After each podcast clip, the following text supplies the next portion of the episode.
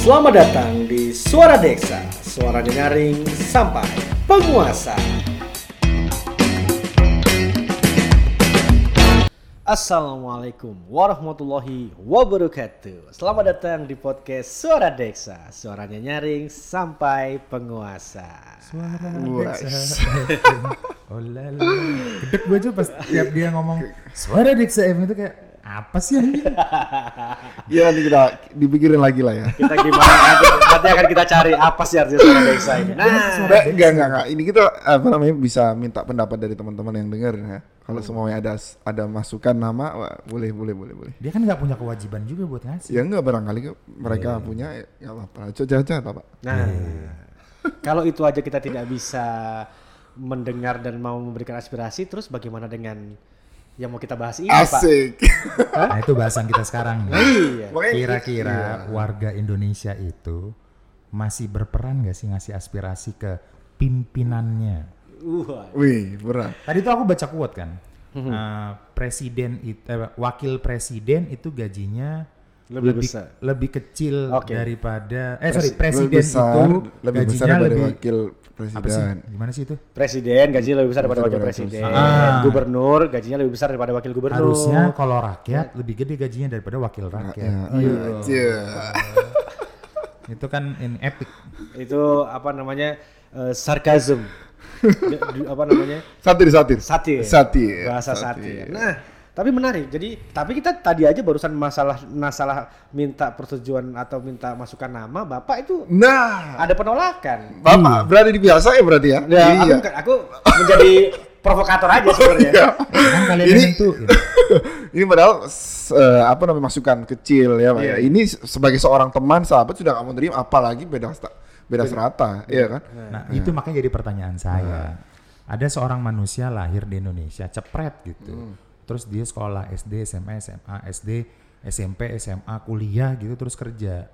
Terus tiba-tiba dia kena uh, UU uh, Undang-Undang Cipta Kerja. Oh, cipta kerja. Oke. Terus dia bilang, kan bukan gue yang mau anjing gitu kan. Kan saya juga nggak pernah memberikan aspirasi apa-apa gitu. Terus ketiban Ketiban uh, itu apa peraturan itu. Nah, makanya jadi pertanyaan, kira-kira warga Indonesia 250 juta jiwa ini bisa ada Google Form-nya nggak sih buat buat kasih aspirasi itu ada Google Form-nya nggak sih sebenarnya? Aku juga sempat tadi baca di salah satu salah satu akun juga sih masalah menerima menerima masukan, ya kan? Kita tahu hari ini Pak Jokowi punya punya akun Instagram, ya kan? Tapi Ya kan seakan-akan mungkin juga dia yang megang. Nah iya, tapi kan paling tidak Kalau nggak gitu kan nggak ada anggaran manajemen sosial media. Tapi enggak, aku pernah pernah pernah pernah dapat eh, pernah baca satu berita di di mana Bojonegoro waktu bupati yang sebelumnya Ah. itu dia mendapatkan satu apresiasi atau penghargaan tertentu dan Karena? tingkat internasional, tingkat internasional Karena karena, kerjanya memberikan balas DM. kurang lebih seperti itu. A- Artinya mendapatkan res, memberikan memberikan ruang keterbukaan untuk kemudian memberikan saran dan satu pekan sekali itu kemudian langsung duduk di dalam apa namanya? Oh, betul betul. Untuk daerah-daerah pendopo yang ya, pendopo. Nah, itu. Aku ingat banget kita teman kita Bupati Trenggalek itu uh, Arifin itu Muhammad Arifin itu bukan ma- Kusibin, bukan, gara-gara dia teman kita ya. Oke, oke. Uh, dia tuh tiap hari Jumat open house untuk warganya mengadu. Di pendopo. Pendopo. Ya. Sadar gak sih itu kan bukan tugas bupati itu tugasnya wakil rakyat anjing. Nah, ini masalahnya gitu. Padahal yang seharusnya ya kan ya, kita ngomong kemudian Open as- house? ya aspirasi Itu menerima. anggota DPR. Iya. Tapi ada yang pernah ke gedung DPR terus mereka ada di sana gak sih? Siapa nih? Siapa? Anggota DPR. Oh, ada dong. Ngapain? Ada. Nah, itu ngapainnya kan masalahnya. Ada satu kita waktu itu pernah bikin salah satu diskusi di Surabaya Speak Up tuh Pak. Oh iya, Iya, benar bener benar kan? benar iya. Jadi ada satu sistematika strata apa sistematika ke masyarakat yang sedikit mulai apa agak rancu gitu. Waktu itu kan salah satu pembicara ngomong gini, ke- dia nanya ke audiens, kalau rumahmu mati lampu, Ah, yang kamu telepon siapa? PLN. Kalau rumahmu mati air, yang kamu telepon siapa? Mati air. Mati Eh, air. air mati. PDAM, PDAM. Eh benar. Padahal harusnya Wakil rakyat. wakil rakyat Harusnya telepon. ditelepon pertama kali. telepon. Tapi di, di yang hadir di situ ditanyain, ada nggak yang punya nomor teleponnya anggota DPR? Wih, nggak Dapil? ada. Nggak ada. Sekarang, sekarang gini, kalau bapak telepon PLN, Ah. ya kan?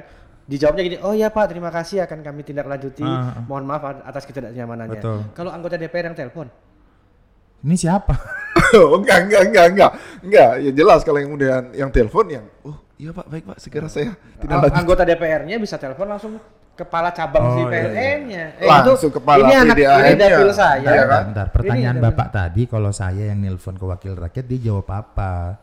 Nah. Dia pasti jawab, "Bapak siapa?" Nah, iya.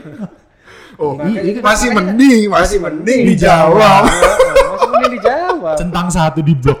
Masalahnya bukan centang satu di blok. Bapak punya nggak nomor HP-nya? Nah, ya, itu jadi Bapak tahu nggak DPRD Surabaya Hmm, iya. yang dari dapilnya Bapak itu siapa yang jadi? Oh iya nggak tahu. Nah, Bener juga, bener juga. Nah, makanya akhirnya kan lagi pertanyaan. Kira-kira kita nih abis ini kan pilkada nih, pilwali nih. Di Surabaya lagi lagi banyak banget tuh ini apa baliho-baliho. Itu dia mikirin kita nggak sih? Maksudnya dalam arti sebenarnya dia menerima aspirasi nggak sih? Atau ini aja apa satu sisi aja. Oh saya ini a a a a, a.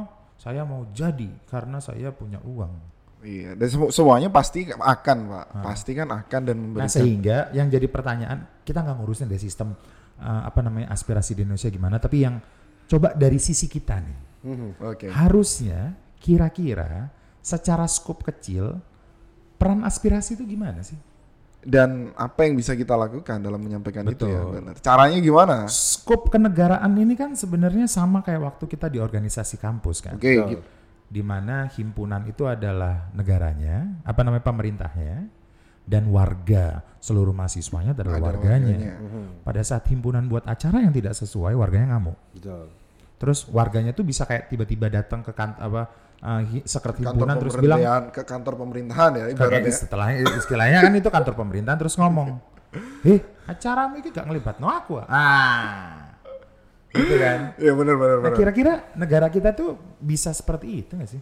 Gimana Bapak Febri? Nah. Selaku anak muda yang punya banyak jam terbang di dunia. Apalagi kan Pak Febri lama di Karang Taruna kan. Nah, Iya, so- kalau kalau aku cerita nih ya. Karang Taruna Ini- Surabaya. Karang Taruna Anda Surabaya. orang Kaltim apa Mojokerto?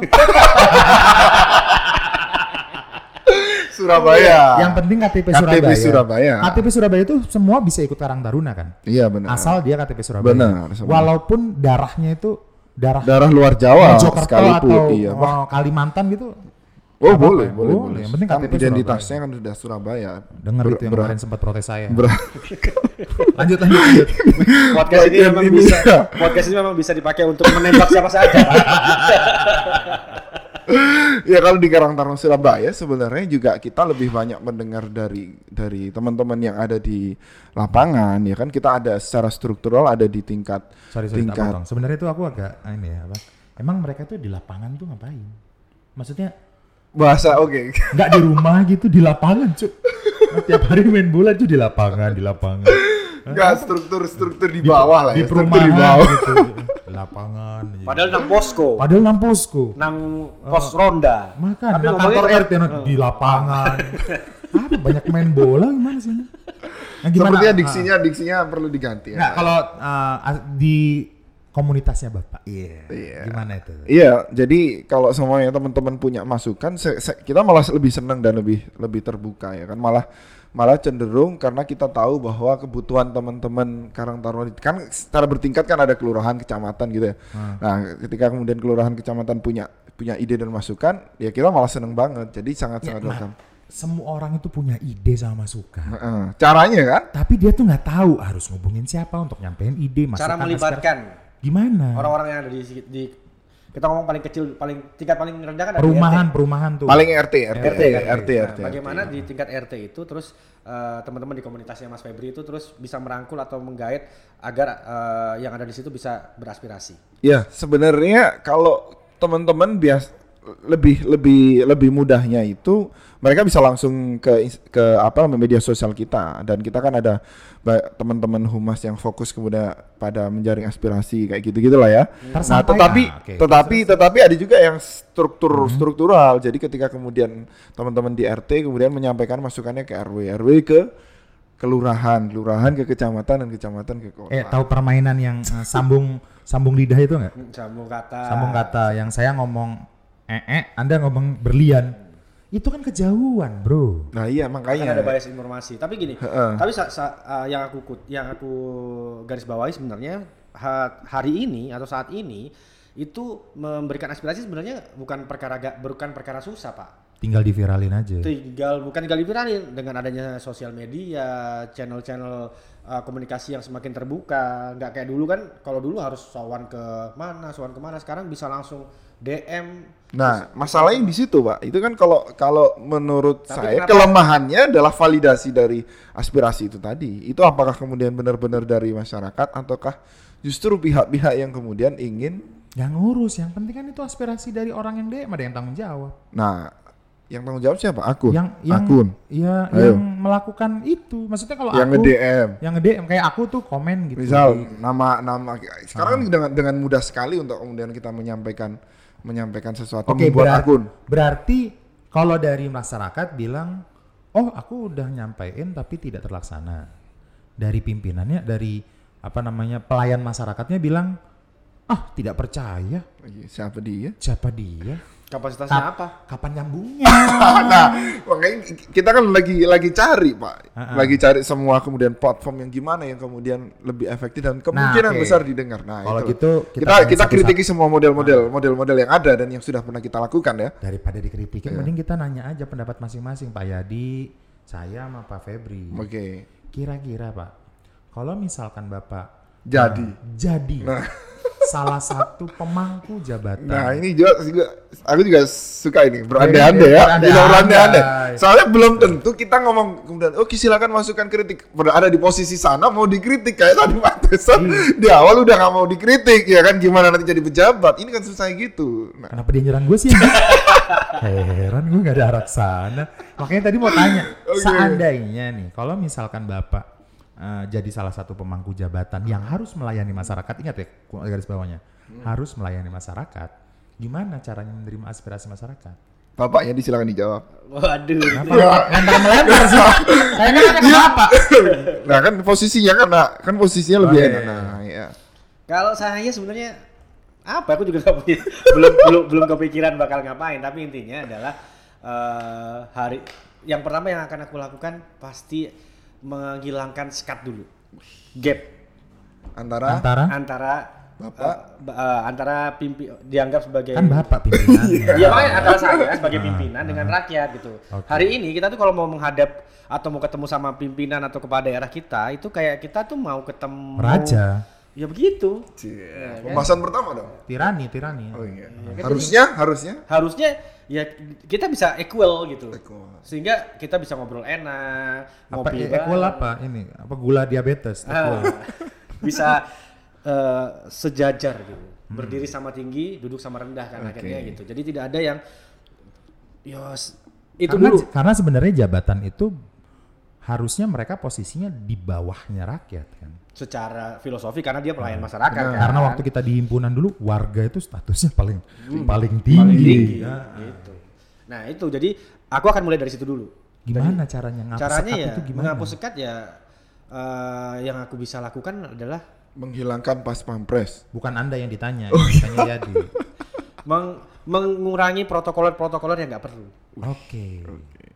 Sekarang tuh banyak banget ya protokoler kalau mau ketemu. mereka. Sekarang waduh Saya mau ketemu Bapak, Anda siapa gitu. mau ketemu dulu ini ini nanti ada ru- ininya nanti ketemu sama ininya mas ah, mau ketemu orang mau ketemu pimpinannya saya sudah ngantuk pak Soalnya ada statement bahwa eh, kalau misalkan kamu mau ketemu sama pimpinan daerah atau pimpin apa yang pemangku jabatan, kamu tuh harus bawa kepentingan minimal berapa puluh orang gitu, bener gak sih? Jadi tidak aspirasi pribadi gitu, Oh gitu. tapi harus punya basis Itu di, dulu. di wak- wakil rakyat anggota dewan atau langsung ke kepala daerah? anggota dewan. Oh anggota dewan. Baru diterima. Katanya kan katanya. nah Ya oke bisa satu jadi. buat oh enggak enggak enggak. Kita kemarin kan cuma pernah bertiga dan langsung ketemu dong dengan bisa, ya langsung ketemu. Tapi kan itu kan faktor kedekatan. Oh, iya, iya, iya. Ketemu wakil rakyat kan makanya aku bilang sepintar-pintarnya kalian kalau kalian nggak punya orang dalam tetap nggak bisa. betul sekali nah, Nah, yang pertama tadi sekat. Oke. sekat. Yang kedua? terus eh, bagaimana kita bisa yang paling susah sebenarnya ya aku nggak tahu kenapa pimpinan hari ini tuh tidak bisa jadi dirinya sendiri Kenapa kenapa? nggak tahu kenapa jadi pada saat dia jadi pimpinan gitu udah jadi wali kota tuh terus langsung Kayak ada yang berubah ya? kayak langsung ada yang berubah Oke. gitu Tersandra, bukan? iya Mungkin jadi tersandra ya. ah, kayak, Kayak bajunya itu sudah bukan Yadi lagi. iya terus kayak misalnya kita mau makan bakso di pinggir jalan makan pentol Susah. klewer-klewer apa eh, sausnya jatuh-jatuh gitu kayaknya nggak bisa gitu Atas dasar asas keamanan loh, katanya. Iya benar. iya ke- iya keamanan tahu tapi sekarang kalau kita itu sebagai pimpinan kita nggak buat sesuatu yang jahat Oke. kita buat yang baik-baik aja Iya, memang iya. ma- masih ada orang yang nggak suka kalau mau mati ya sudah mati lah gitu kan tapi Kenapa harus dilindungi sebegitunya? iya gitu Toh kita dia mati juga biasa aja, ada PLT. Iya, ya sudah gitu. Ya akhirnya kita tuh kayak mau di kayak pimpinan tuh jadi kayak dinasbihkan, wah datang, Oke. wah semua berebut berebut Salaman, salaman, segala gitu. Gak ingat waktu pertama kali. Ada ada meme juga waktu itu kalau nggak salah ya. Waktu misal nyari nyari suara gitu, minta-minta ya kan. Tapi waktu sudah jadi kadang bentak-bentak. Masuk akal. Kalau minta suara, apa kalau mau Butuh jadi suara. butuh suara minta-minta. Kalau sudah dapat suara bentak-bentak. Kayak Surabaya banget. oh, sorry sorry sorry. Konten tapi itu, berbahaya. jadi aku ngerasa seperti itu. Jadi kalau aku jadi pimpinan ya, aku akan sekat satu. sekat, mengurangi sekat, akan tetap jadi diriku sendiri bahwa kita dan masyarakat ini sama aja. Dari situ baru baru kita ngomongin aspirasi bersama masyarakat komunikasi baru bisa jalan pak. Oke. Karena kalau itu nggak nggak di- nggak diselesain di situnya, kalau menurutku ya akhirnya cuman komunikasi secara ini aja jadinya kayak apa? Satu arah. Bukan satu arah. Apa? Kayak apa sih bahasanya? Cia? Orasi. Cuk, kenapa aku lupa, Cuk? Apa? apa sih? Dead air lu. Kalau sekedar sekedar basa-basi gitu. Ah, ah. Apa? Eh, begitulah. Nah, pokoknya hanya sekadar formalitas, formalitas. formalitas. Anjing, kenapa bahasa formalitas itu hilang dari kepala saya? Bapak terlalu formal soalnya. Baju saya hari ini formal soalnya, jadi oh iya benar. terbawa Pengaruh, suasana iya. formal. Ba itu cuma masalah masalah baju juga kan. Akhirnya berganti seorang. Oke, Yadi, kalau ya. Mas Yadi berarti tadi solusinya dua. Kalau dia jadi pimpinan, ngapus sekat. Yang kedua, kembali jadi diri sendiri yang bukan eh, m- melayani rakyat eh, dengan tanpa tersandra oleh kepentingan apa pun. Betul. Kalau Mas Febri. Iya. Kalau aku sebenarnya peng- Kalau soalnya topi enggak. bapak cocok topi bapak. Iya, benar. Saya, pakai topi pet sekarang.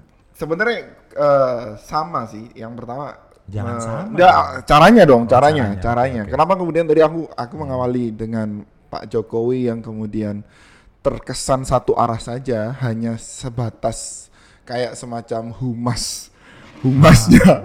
Ah, ya, admin, admin. admin humas eh, humas apa namanya kepresidenan ya kan. Aha. Padahal di situ akunnya Pak Jokowi. Maksud Hmm. saya supaya harusnya lebih lebih interaktif dong. Minimal terwakilkan lah untuk kemudian oh eh, apa namanya eh, diterima aspirasinya. Oh seperti ini. Contoh yang kemudian bisa aku ambil Pak Ridwan Kamil.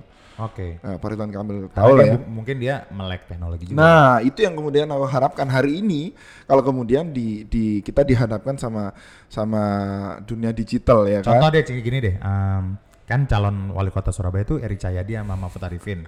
Kenapa bahas wali kota Surabaya? Ya, biarin kan yang paling deket sama kita. Kira-kira kalau kita DM dia memberikan aspirasi dijawab nggak ya? Kalau sudah jadi itu kalau Belum jadi, proses. kan dia kan menerima aspirasi kita. Kan kalau ya langsung aja dicoba. Gue udah coba. Oh, udah coba terus Ah, gimana? dibales. Oh iya. Saya juga udah udah dibalas. Dua-duanya loh. Dua-duanya. ya? Dua-duanya. Dua-duanya. Oh, berarti ini harus harus perlu kemudian diangkat. Ini Betul, bentuk betul. dari kemudian kita menyampaikan Kecuali yang aspirasi kenal ya? versi ya. Hah? Kecuali yang kenal ya. Oh iya benar benar. Kalau yang kenal tidak Dia bisa langsung jadi, dibales. tidak bisa jadi acuan. Ah. Tidak Tapi jadi acuan. kita harus coba ki- tadi kan kalau Mas Taisar tanya kalau kita semua jadi pemimpin ini ini kita juga semua Makanya kita kalau- jadi pemimpin di DM oleh ribuan ribuan orang. Kira-kira gimana dong? Nah, kalau aku dulu yang jawab. Iya. Kalau saya, Eh, sebelum itu dia belum jawab loh. enggak, enggak. Kalau juga belum selesai. Anda belum Anda selesai, malah Anda dulu yang jawab. Mencari jari, mencari gara-gara mengalihkan jawaban Anda. Saya coba pengen nanya dulu kalau kemudian masalah jawab menjawab DM ya kan. Kan ini lagi banyak lagi banyak gencar-gencarnya Oke, gua, posting gua- aku, Instagram. aku jawab duluan deh, aku Iya. jawab duluan deh.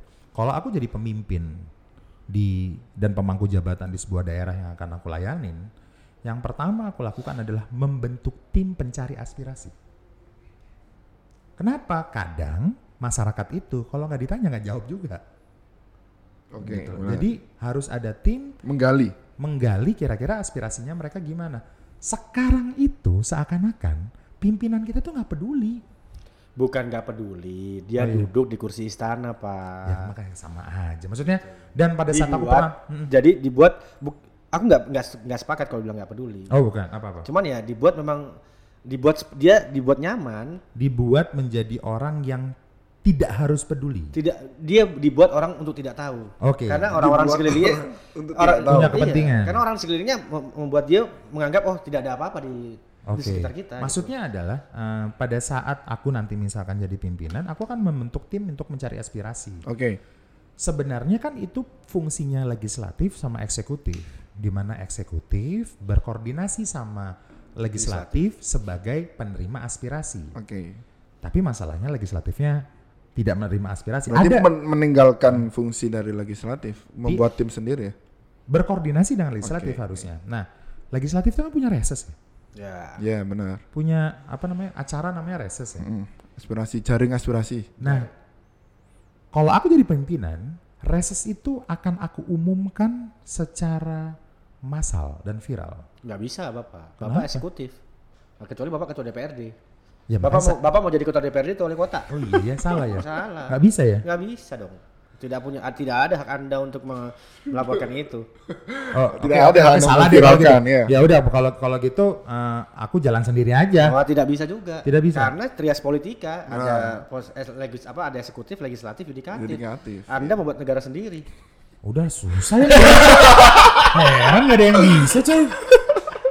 Kan kalau saya jadi pimpinan, jadi presiden misalkan. Enggak, ini, ini kita coba kita coba untuk kemudian berada Nah, bentar di gue belum selesai. Iya Nah, benar. belum selesai. Makanya membentuk tim lanjutin, aspirasi. lanjutin. Nah. Kemudian dari membentuk tim aspirasi itu dapatlah apa harapannya mereka memberikan aspirasinya. Oke, nah, dapat nih tapi aspirasinya. aspirasinya itu harus melalui teknologi yang lebih Google Form. tepat guna. Ya, mungkin Google Form, ya kan? Mungkin ada aplikasi untuk mereka nulis atau apa-apa. Nah, ada admin juga yang melakukan eh, Sortir. vali- sortir dan validasi gitu. Jadi konsepnya tuh kayak giling beras, bro. Ya kan? Jadi Kita tanam dulu, eh, habis dari tanam dia akhirnya panen. Kan diberikan dulu stimulus, kemudian dia panen, memberikan aspirasi. Panen ini kemudian digiling, digiling itu dikupas. Oke, Habis dikupas di eh, apa namanya sortasi, sortir. disortir, disortasi. Habis disortasi kemudian di packing jadi sebuah perda-perda. Terus setelah di packing dilemparkan lagi ke masyarakat, dijual lagi. Kalau misalkan perda itu memang berhasil berarti laku penjualanku. Kalau enggak ya rugi dong. Salah perdanya direvisi. Gitu. Dan itulah namanya smart city. ah, Baru bisa diomongin bahwa ini smart city. Jadi Betul. Semua terhubung. semua terhubung.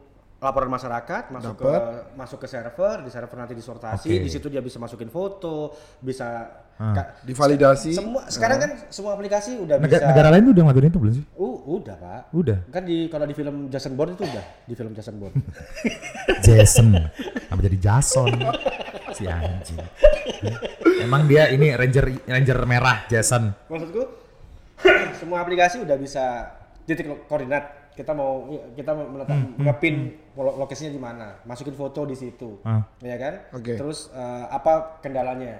Itu masuk ke server, server Ada- dengan atri- eh, dengan Ah. eh, artificial Secara- intelligence, ya. ya kan? Ya secara AI itu kan bisa Langsung ke detect langsung di, di- oke ini mana yang benar, mana yang salah. Oh, bukan nggak akan nggak perlu dulu sana. dulu. Karena akan langsung tersort ter, ter ini dulu. Oke ini Tervalidasi. Terverifikasi. infrastruktur, infrastruktur lari langsung ke dinas PU.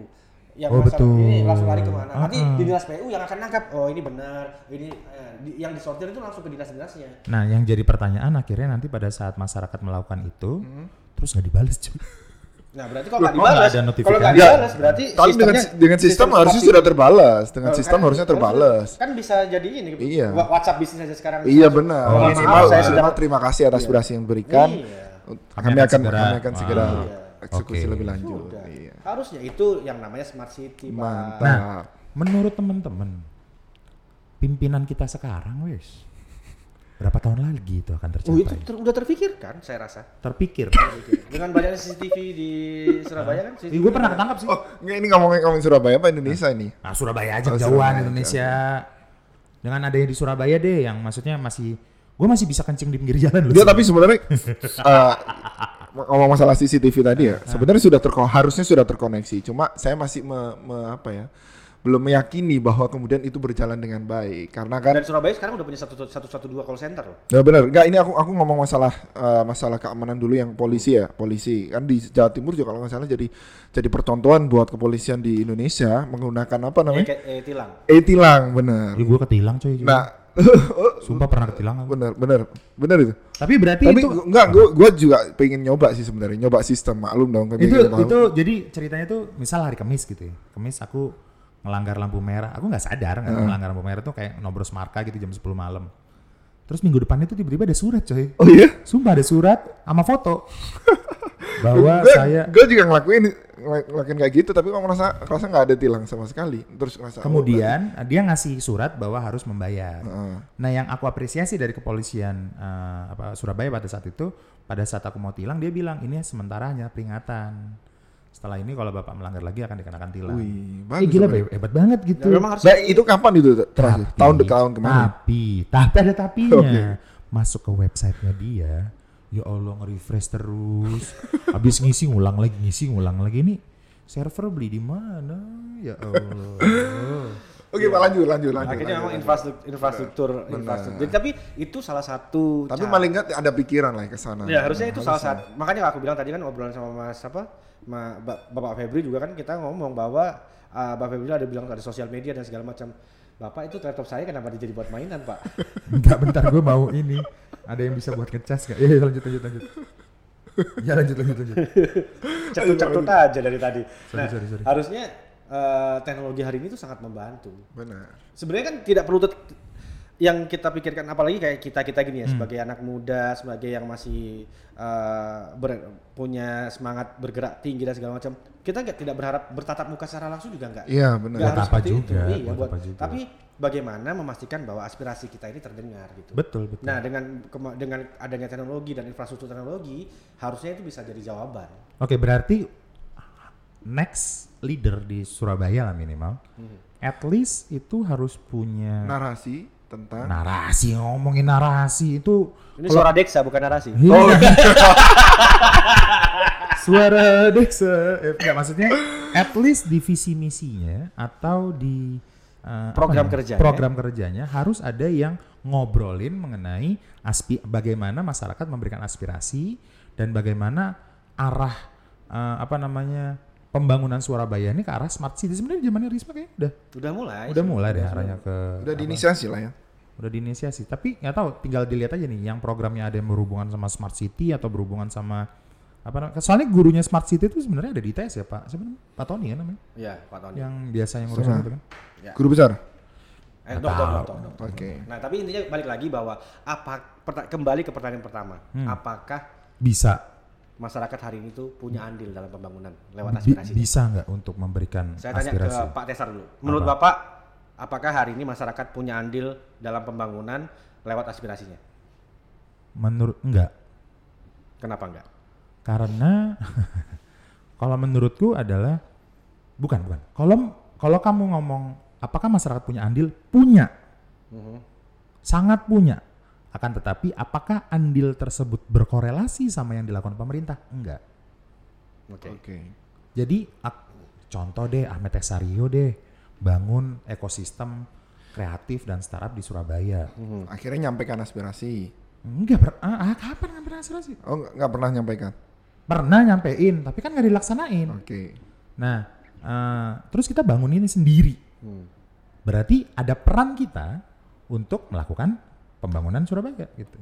Tapi apakah itu berkorelasi dengan program, Program. kerjanya pemerintah? Nah, belum tentu. Gitu.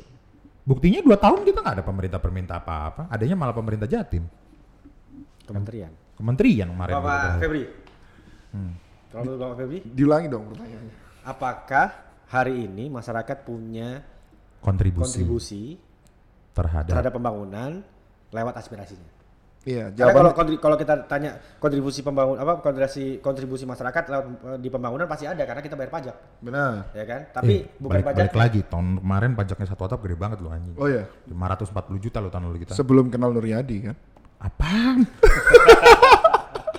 terus terus lanjut. Tapi bukan bukan dari sisi pajak tapi dari sisi aspirasi masyarakat. Iya.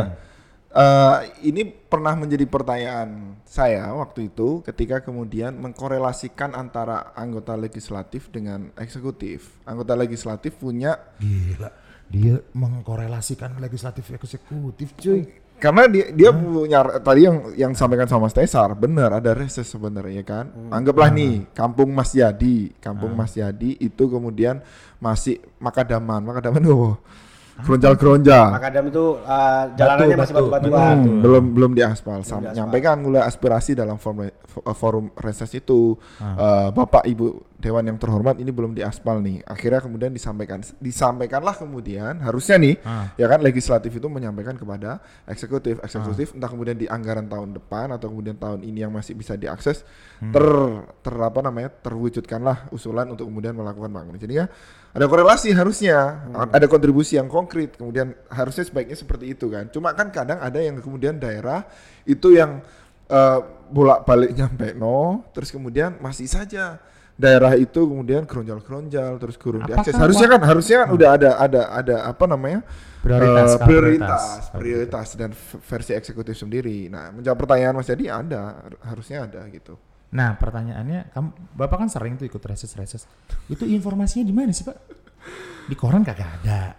informasinya biasanya secara secara Di RT RW. Bener, biasanya Pak RT dan Pak RW dan taunya langsung dengan anggota Dewan Dapil itu.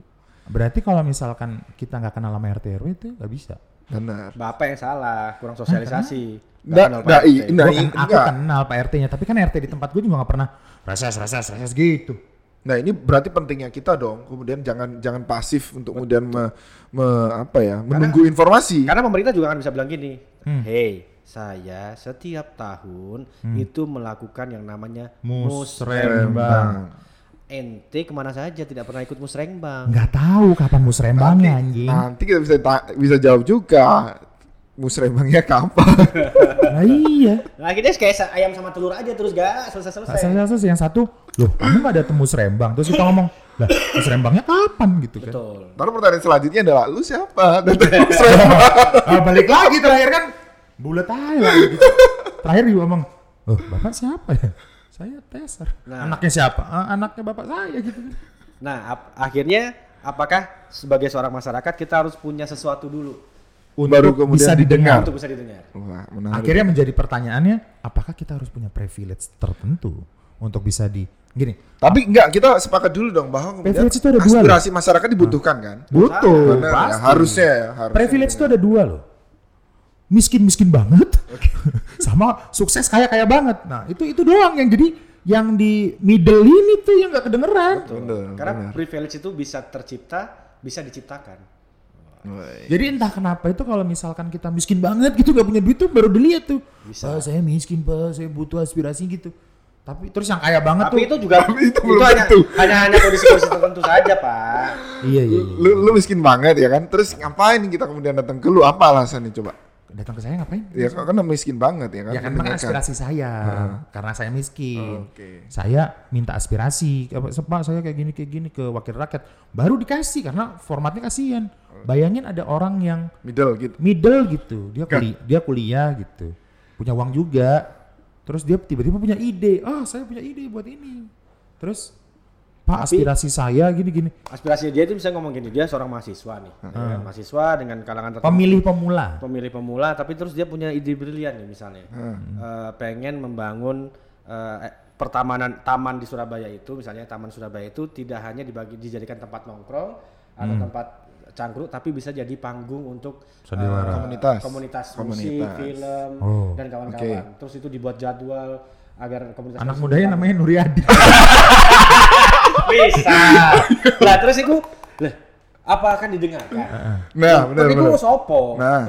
Latar belakangmu S3 nangdi. Sudah pernah belajar tentang ilmu psikologi terkait dengan komunitas dan kawan-kawan. Tekan di kalau ngomong kayak ngono, lah tak mau bu.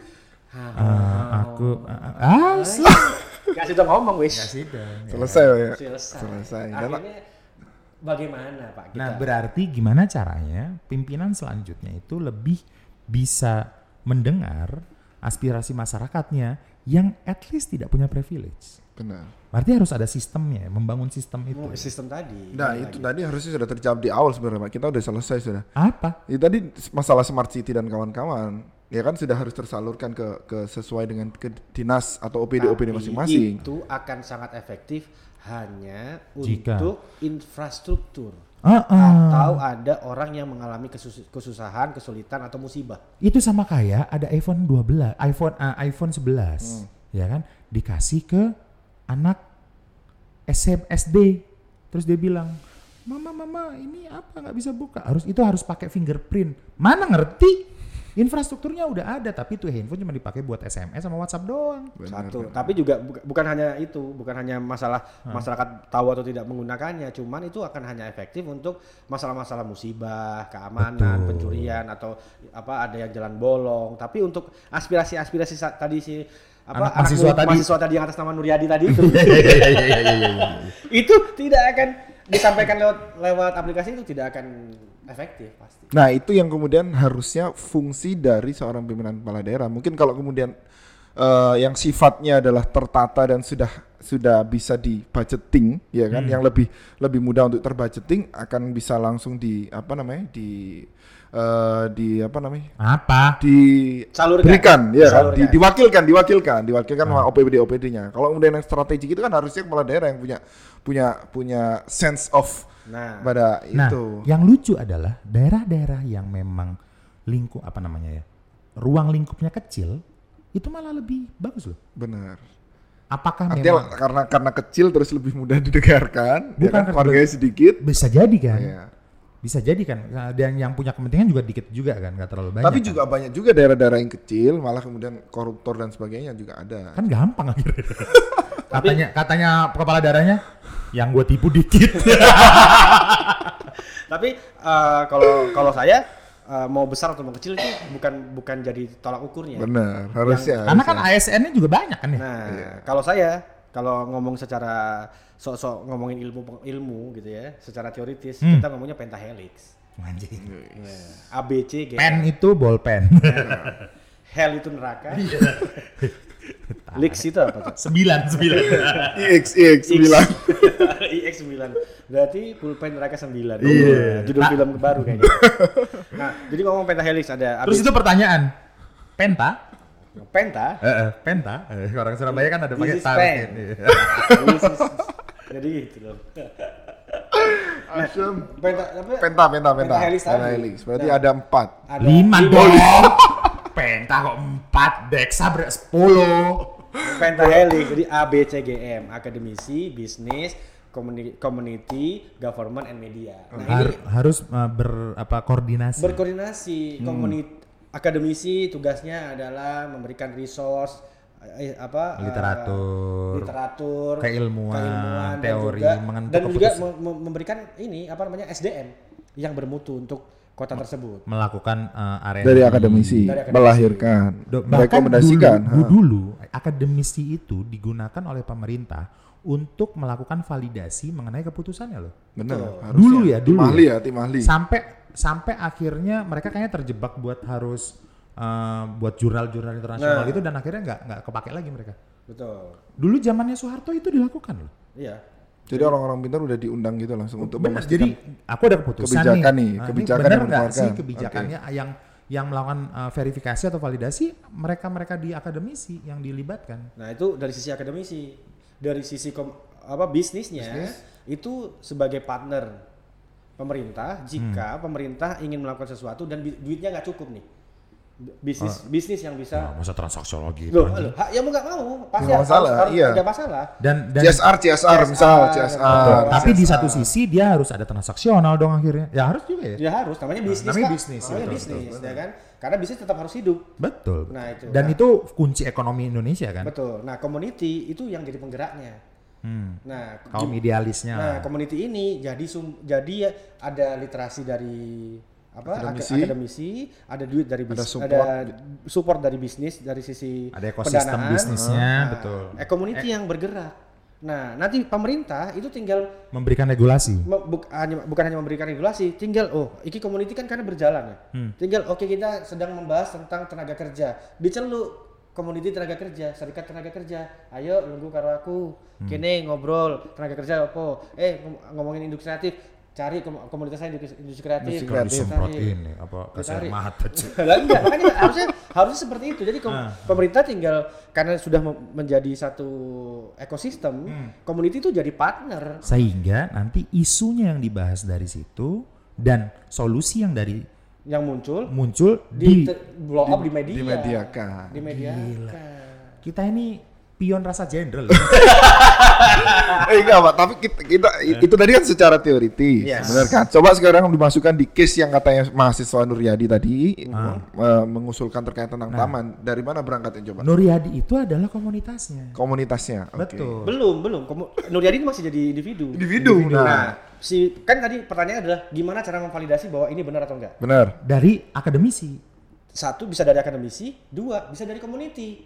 Community Betul. partnernya pemerintah ditarik. Eh, mana sih yang orang anak, Anak mahasiswa tadi yang Ah, Nur Nur siapa Mas Nur siapa? Enggak Nuryadi menyampaikan siapa dulu nih? Bisa ke community. bisa ke community, Bisa langsung ke media juga. bisa langsung ke media. Bisa betul. Bisa. Ya. Nanti pemerintah akan memvalidasi lewat community industri kreatif. Kalau infrastrukturnya udah Udah ada. Nah, industri kreatifnya dita- ditarik nih. Eh, bener nggak sih kalau di Surabaya itu kita kurang panggung anak-anak ini oh iya, Pak. Divalidasi. Tervalidasi. Benar, sama akademisi. Nah, akhirnya ngomong Oh, sama kurang. community dulu. Oh, community. Oke, kita oke akhirnya pemerintah bikin regulasi dilempar ke akademisi. Cocok nggak? taman ini dijadikan untuk Tolong gitu? tolong di- tolong eh, dibuatkan secara research. analisa eh, perilaku Konsumen, sosial ah. dan kawan-kawan sampai ke desainnya akan seperti apa. Kan orang infrastruktur orang nanti selesai dapat regulasi keluar project nih kan. Keluar Iya. project bisnis dipanggil. Siapa yang bisa bangun Iya. Taman yang taman bisa dipakai, untuk dipakai sama ini. komunitas. Jangan. Habis itu j- uh, acara di apa namanya tamannya selesai jadi Komunitasnya dipanggil lagi. dipanggil bisa main Buat media datang Media datang Wah, memberitakan. memberitakan inilah hasil Kemudian agar itu sustain komunitasnya disuruh Wah. ber- berkarya. berkarya. Di, Pak, nanti berkarya lagi ditangkap lagi sama bisnisnya. Oh, di tempat itu jadi rame. Rame, Saya menghasilkan. akan support di sana. Betul. Buat lagi di tempat lain ya. Terus jalan, Pak. Itu pernah terjadi nggak sih di Surabaya? Pernah, pernah. pernah. Dulu Harusnya waktu pernah. zaman pedal pop itu, Pak. Harusnya pernah, harusnya pernah. Cuma kita yang nggak tahu aja. Kita mungkin nggak tahu. Iya. Kita kan memang ya Kita belum termasuk dari pentahelix Ya, tadi di masih, konteks ya, konteks ini. kita masih jauh. Kita masih jauh lah. Iya. Makhluk jelata, bisa ngomong doang anjing. Demikian podcast hari ini, saya Ahmed Desario. Saya Nuryadi. Saya Febrian. Sampai bertemu di podcast selanjutnya di Suara Deksa.